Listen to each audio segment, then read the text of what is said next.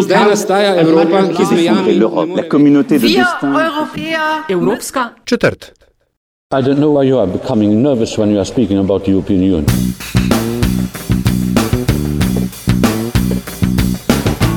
Spoštovane in cenjeni, dobrodošli v Evropski četrti podcast o vsem, kar vas bo zanimalo o Evropski uniji, pa niste vedeli, koga vprašati. Podcast vodi vam Nataša Briškim, urednica Metine Liste in Aljaš Pengovitenc, urednik Radia Chaos. Evropska četrt domuje na spletni postaji metinalista.si, v vašem nabiralniku pa sveža epizoda vsak drugi ponedeljek, tokratna je osma po vrsti. In jako okusna bom, tema so namreč slovenski kmetijski izdelki in živila, zaščiteni pri Evropski komisiji.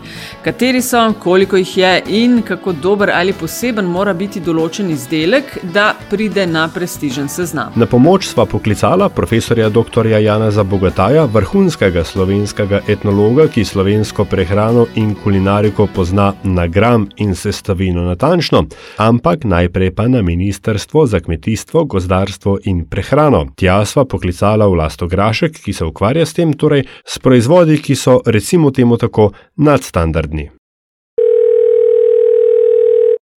Za uvod najprej, kaj sploh so evropske scheme kakovosti. V Sloveniji smo jih začeli uvajati nekje pred 15 leti. Zdaj, evropskih schem kakovosti je v bistvu več.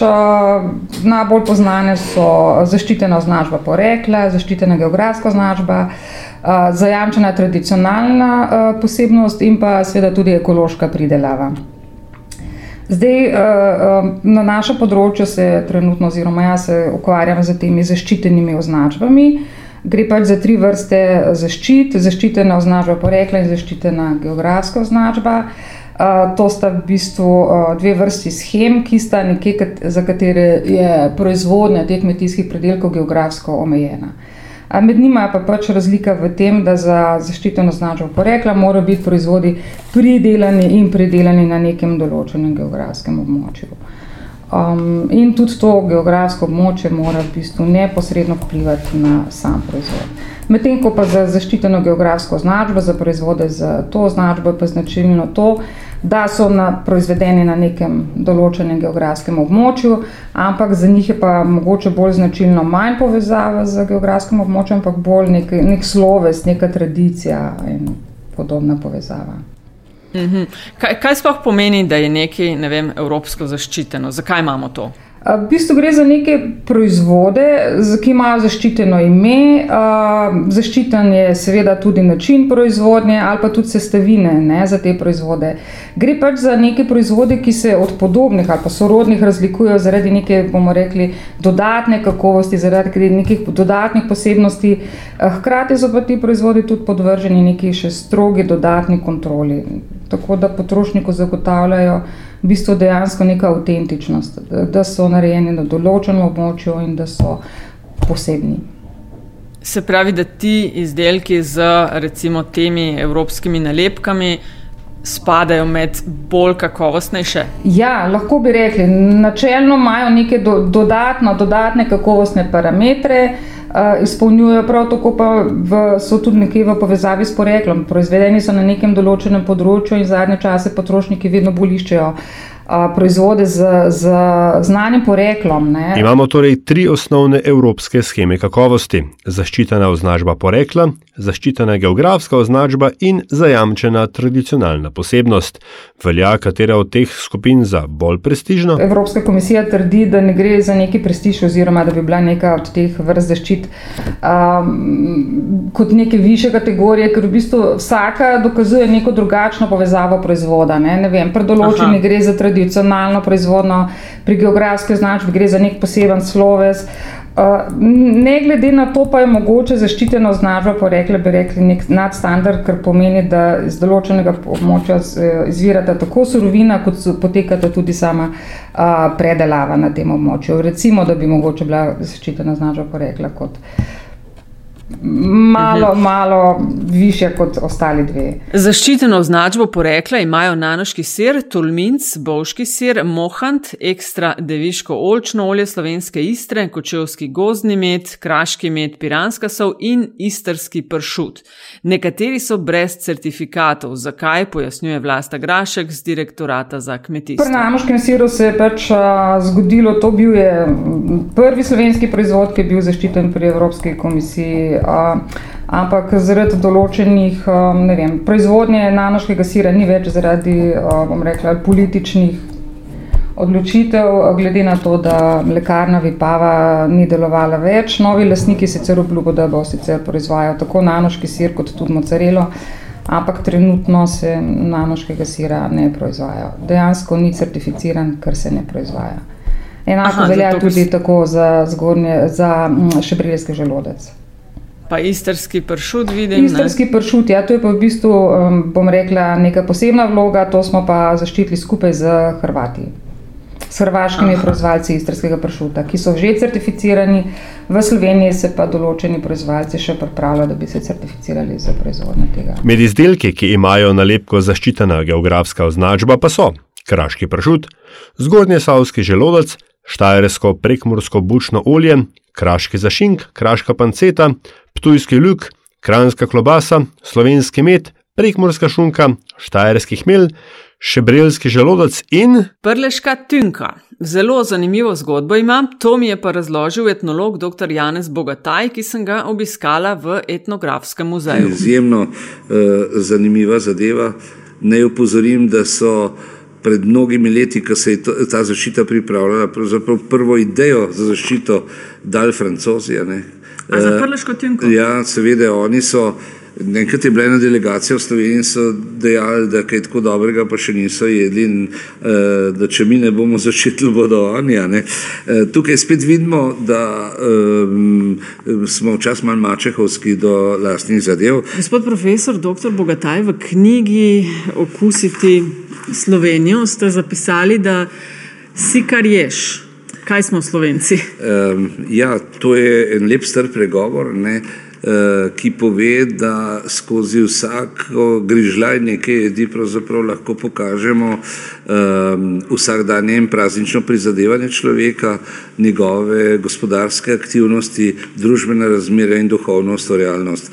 To pomeni, da skozi jedi lahko naslikamo tudi karakterološko podobo ali pa celo psihiatrično stanje, če se mal pošalim. Vsekakor eh, se tudi na tem področju v Sloveniji kaže ta seštevek um, treh, štirih velikih evropskih uh, tokov, um, se pravi eh, tisto vse, kar izvira iz našega položaja na tej zemeljski obli.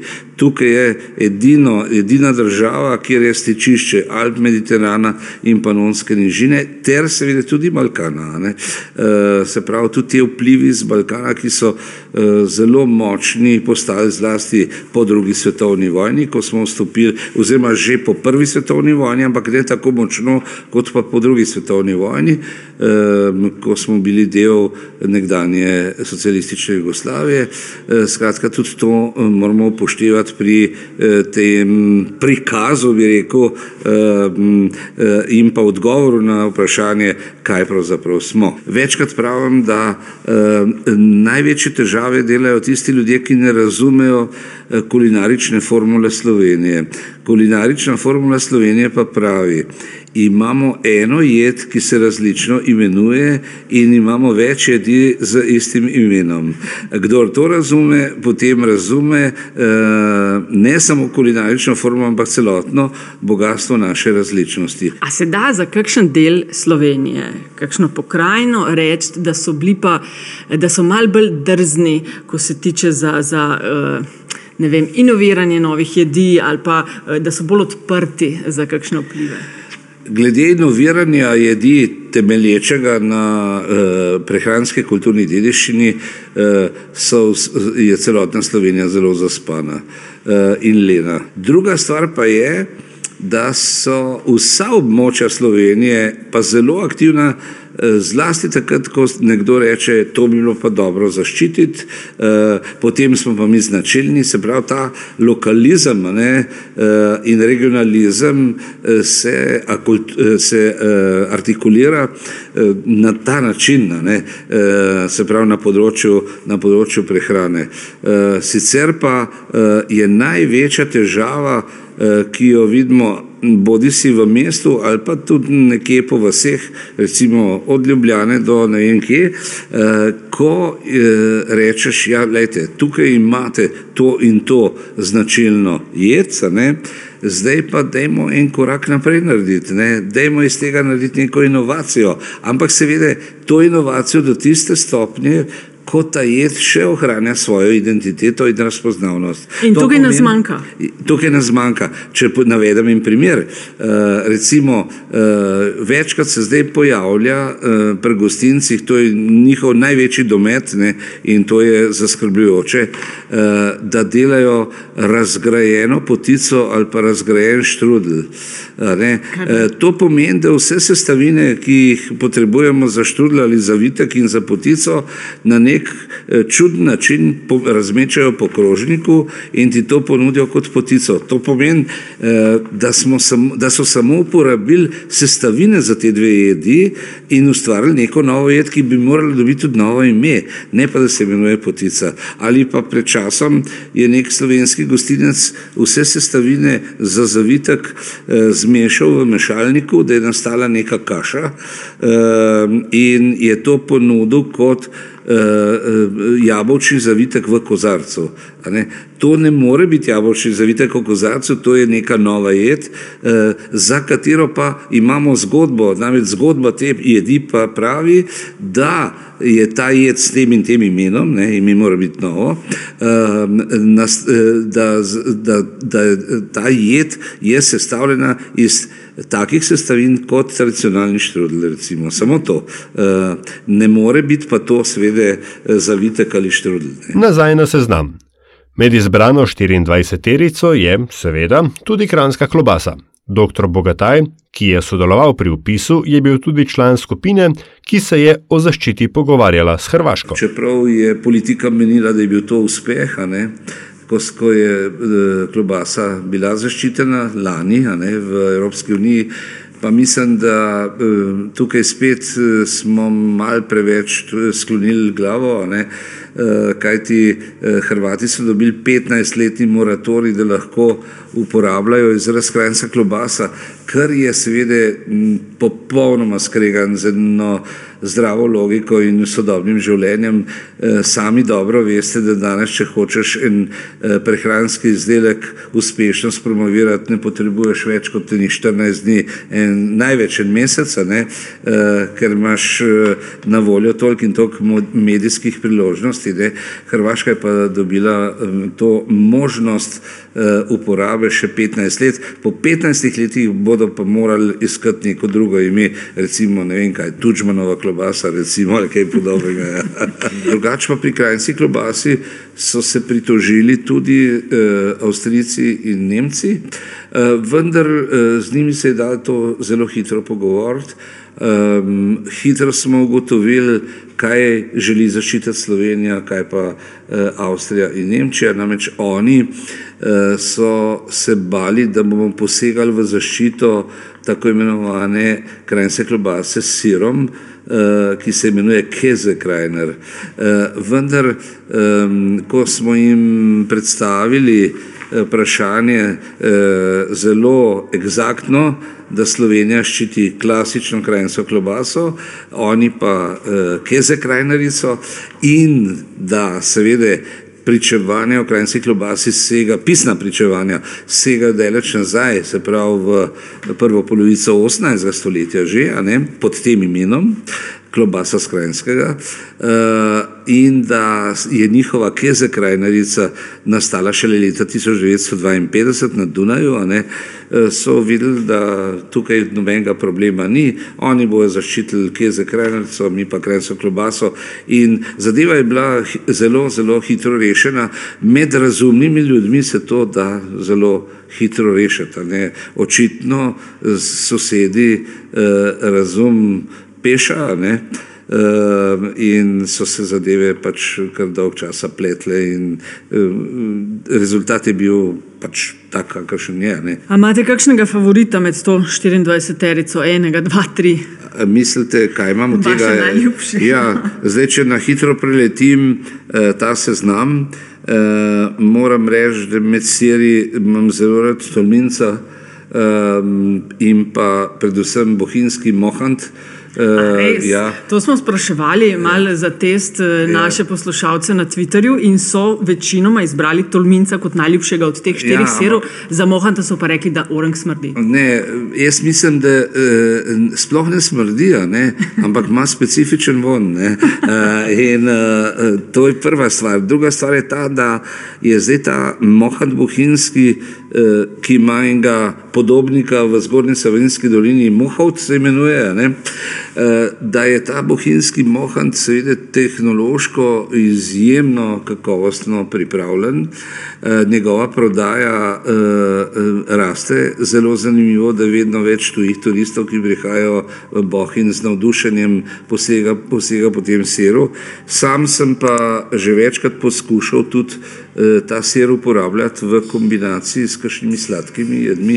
Uh, izjemno zanimiva kombinacija. Ne? Na seznamu evropskih schem kakovosti so tudi tri vrste medu: kočevski gozdni med, kraški in pa slovenski med. To je seveda eh, hvale vredno, ne, eh, da tudi zaščito pokažemo, da smo ena izmed vodilnih čebelarskih dežel. Ne, Eh, pa ne samo v smislu, eh, bi rekel, različne palete, palete različnih čebeljih izdelkov, ne, eh, ampak tudi eh, zaradi dejstva, da smo bili Slovenci učitelji če- čebelarstva Evrope ne, in da so že v 18. stoletju, recimo eh, Janša, eh, čebelar Janša, bil na nemškem, eh, v nemškem svetu zelo eh, cenjen učitelj čebelarstva, napisal enega izmed prvih učbenikov in tako naprej. Ne, eh, da eh, so čebelarski predniki na slovenskem cele vrste inovacij na tem področju uvedli in da smo v novejšem času seveda, eh, da imamo tudi um, eh, pivo iz medu, a ne medeno pivo, da imamo medeno penino recimo, ne. Skratka, vidimo, da se ta paleta razvija in to je zanimivo za zgodbo, a ne, eh, ki mora spremljati te zadeve. Ne gre tukaj samo za osnovno živilo, se pravi med kot tak je pa seveda odličen, vsak od teh treh vrst, ki ste jih omenila. Naštela sva izdelke z zaščiteno označbo porekla in zaščiteno geografsko označbo. V tretjo schemo evropske kakovosti, imenovano zajamčena tradicionalna posebnost, pa trenutno sodijo tri imenitne zadeve: prekmorska gibanica, idrijski žlikrofi in belokranska pogača. Zajamčena tradicionalna posebnost pomeni kaj? Da mora neko, neka jed imeti tradicionalne sestavine, da mora temeljiti na tradicionalni sestavi in da mora imeti tradicionalno recepturo. ne. To, to je to. E, Medtem ko izdelava te jedi ali pa tega živila, e, tudi pridelava in, in predelava, pa ni geografsko omejena. ne. To, to je zelo pomembno. To se pravi, lahko idrijske žlikrofe izdelujejo tudi v Nemčiji. Ampak, če jih hočejo imenovati idrijski žlikrofi, seveda se morajo točno držati uh, in sestavin, recepta in, in, in uh, postopka izdelave. No, in v, te okvir, v teh okvirih bo tudi potica. Ne? Če bo nekdo hotel imenovati to slovenska potica, naj bo izdelovalec v Sloveniji ali pa kjerkoli v Evropski uniji, se bo moral držati uh, tega, uh, tega poimenovanja. Ne? In kateri so še v čakalnici? Postopek poteka tako, da najprej ministrstvo, mi temu rečemo prehodno nacionalno zaščiti nek proizvod, eh, kasneje pa to potrdi, eh, potrdi še Evropska komisija ali pa bi lahko tudi zavrnila to vlogo. Uh, zdaj mi bomo prehodno nacionalno zaščitili slovensko potico, ampak potem moramo to vlogo poslati še v presojo Evropski komisiji. Uh, ti postopki so pač pri komisiji so dolgotrajni, uh, tako da predvidevamo, da v roku leta, leta do dveh bi lahko bila pri Evropski komisiji zaščitena pa tudi slovenska potica. Lahko potem vem, proizvajalci teh eh, izdelkov tudi kakšno višjo ceno dajo svojim izdelkom na račun tega, ker so v teh eh, v tej evropski schemi kakovosti? Uh, načelno, ja. načelno je bilo že tudi na nivoju Evropske unije ugotovljeno, da za te zaščitene proizvode um, je lahko cena tudi do 25% višja.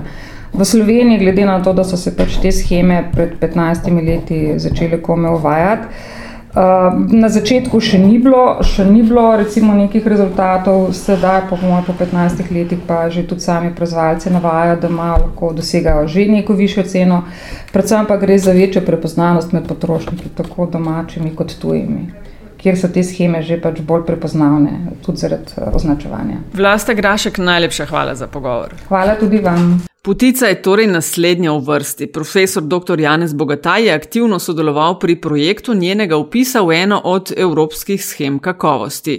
V elaboratu, ki ga je bilo treba pripraviti za naskok na Brusel, je napisal zgodovinske elemente in določil tudi tipologijo putice. Moram se res pohvaliti, da sem bil eno tistih, ki sem stalno podarjal že leta in leta, da je zadnji čas, da putico tudi zaščitimo. Eh, da sem poslušal vrsto let eh, pripombe, češ, to se ne da zaščititi, kako bomo pa potico zaščitili. Ampak potem je stvar leto dozorela, na leto sem na nekaj pozitivnih ušes. Ne, in potem se je ta stvar premaknila, ne, po zaslugi, seveda, vseh večjih proizvajalcev potice, predvsem pa tudi gospodarske zbornice Slovenije ne, in mogoče še koga, da ne bo zdaj kdo spet prizadeta. Ne. V Sloveniji poznamo eh, nekaj okrog sto različnih nadevov ne, uh, in osnovni koncept zaščite je bil ta, da smo zaščitili osnovni recept za testo, potem pa pridejo različni nadevi. In zdaj v prvi fazi bo zaščitenih pet različnih potic: orehova, orehova z rozini, rozinova. Uh, Pehtranova in Pehtranova skuto. Med vsemi naštetimi je najbolj značilna potica Pehtranova, pove dr. Bogataj. Jaz sem bila prepričana, da bo rekel Orehova, ampak ne Pehtranova. Torej. Zakaj? Zaradi tega, ker smo Slovenci verjetno edini v Evropski uniji in eni redkih na svetu, ki pehtran zelo pestro uporabljamo za, za pripravo sladkih jedi. Pehtran je drugač za čimba, ki jo sicer poznajo drugot po svetu, ampak za pripravo raznih juh, omak, eh, mesnih jedi in tako naprej. Eh, skratka, tukaj je gotovo en argument, tudi, eh, ki bo, pre, upam, pre, prevagal pri odločanju za zaščito v Bruslju potica je, če povem eno formulacijo, je testeni zvitek z različnimi nadevi, eh, položen v okrogu pekač, potičnik. Eh, ta pekač ima zunanjo obodno steno gladko ali narebreno in če je ta stena narebrena, morajo biti rebra navpično postavljena glede na pod eh, te potic, eh, te, tega potičnika, potem je določen tudi razmerje med luknjo eh, oziroma med tem prirezanim stožcem v sredini in pa obodom. In določili smo tudi najmanjšo potico in največjo, to se pravi, začne se pri petih centimetrih premjera, konča pa tam nekje čez 60. Ne. Zdaj, ko sem vas poslušala, kako natančno ste izmerili te oboke in to ne vem, če bi si upala potico spet za vas. ne, ne, ne, sploh ne. Eh, tukaj je zelo zanimivo, sem vesel, da ste me to vprašala, eh, zaradi tega, ker to je zanimivo vprašanje, zdaj kako bodo kako bodo vsi tisti, eh, ki delajo recimo pekače, sledili temu. Eh, mi smo tudi določili, kakšni so lahko pekači, vsekakor ne samo glinasti oziroma lončeni, tudi kovinski. In eh, jaz osebno nimam nič proti teflonskemu pekaču, samo velika žalost pa je, da vi originalnega pekača ustreznih dimenzij eh, za peko slovenske potice v Sloveniji ne dobite, ampak dobite izključno samo pekače za eh, eh, razne šarklje in druge eh, pretežno nemško ali pa bomo rekel germanske eh, pogače. Eh, to, kar oni imenujejo tudi Kugluf, recimo, ne, Google Hopf eh, po nemško. Eh, in eh, tukaj mislim, da bo morala tudi industrija prisluhniti zadevam in, in slediti tem stvarem, ne? ker mal nesmiselno bi bilo, če bo enkrat potica zaščitena, da bo nek kupec ali pa nek turist, recimo, ki, ki je navdušen nad to slovensko sledico, si zaželil tudi pekač, pa ga ne bo mogel kupiti. Imate občutek, da znamo Slovenci dobro prodajati tisto, kar je našega jedi? Ne, sploh ne. Sploh ne. In to je, nad tem se kaže zamisliti. In mislim, tukaj, recimo, ta nakupovalna središča v Sloveniji, ki jih imamo, večja in manjša, dobre stvari ali pa živila in jedi iz tega seznama zaščitenih seveda se utopijo v poplavi vsega ostalega. Mi ne znamo izpostaviti zadev. Še več, pogledajte, sprašujem se, koliko javnih in manj javnih pogostitev, banketov, slavnostnih večerij, kosil, tudi za protokolarne namene, izpostavlja znake.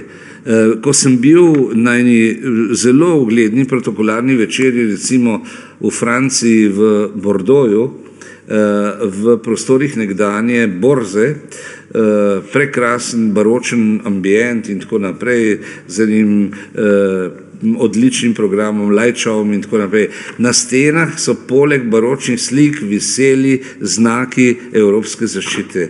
In pri eh, vsaki jedi so nam povedali, tukaj je pa noter tudi to in to, kar ima Francija zaščiteno geografsko poreklo. In to delajo francozi, ki nimajo težav s svojo razpoznavnostjo, eh, ker če rečemo francoska kuhinja, jasno, to je že dejstvo, eh, tako kot eh, oblak oblaki in sonce, tako rekoč na svetu. Eh, ena Slovenija, ki bi mogla pa eh, veliko eh, več na tem delati, pa to, kar damo tam na eno polico, še malo tacga olja zraven. To je treba upozoriti z velikim napisom. Ali pa če pogledate en primer, zdaj je prednovoletni sejem, ne, ta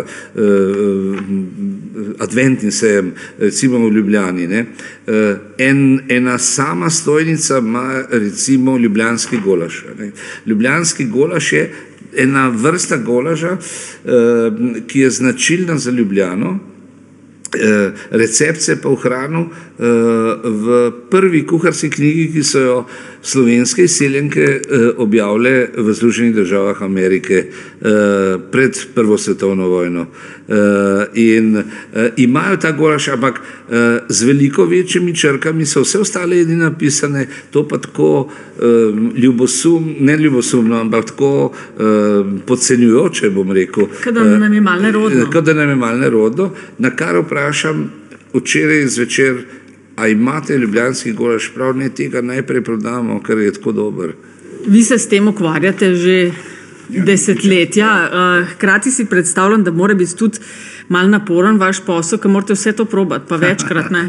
ja, to mi eni tudi malo zavidejo, sicer res pa je, ne, da odkar se s tem ukvarjamo, se tudi pridobo malo na kilogramih, ne, ampak jaz vedno pravim, življenje te enkrat redi, drugič pa hujša.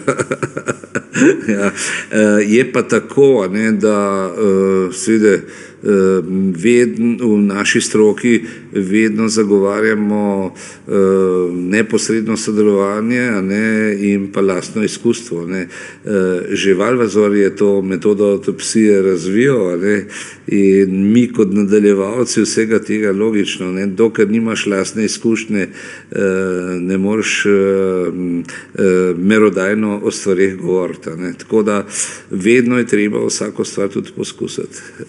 Profesor dr. Bogataj, najlepša hvala za pogovor. Ja, hvala tudi vam, eh, tudi vašim poslušalkam in poslušalcem. Želim lepe eh, božične praznike. Eh, zavedajte se pregovora, eh, da jemo zato, da živimo, vendar ne živimo zato, da bi le jedli. Eh, ob prazničnih jedeh poskušajmo eh, odkriti tudi njihove zgodbe. Eh, v novem letu jim pa želim seveda predvsem zdravja, za ostalo pa v dobrem, še bolj pa v slabem poskrbi država.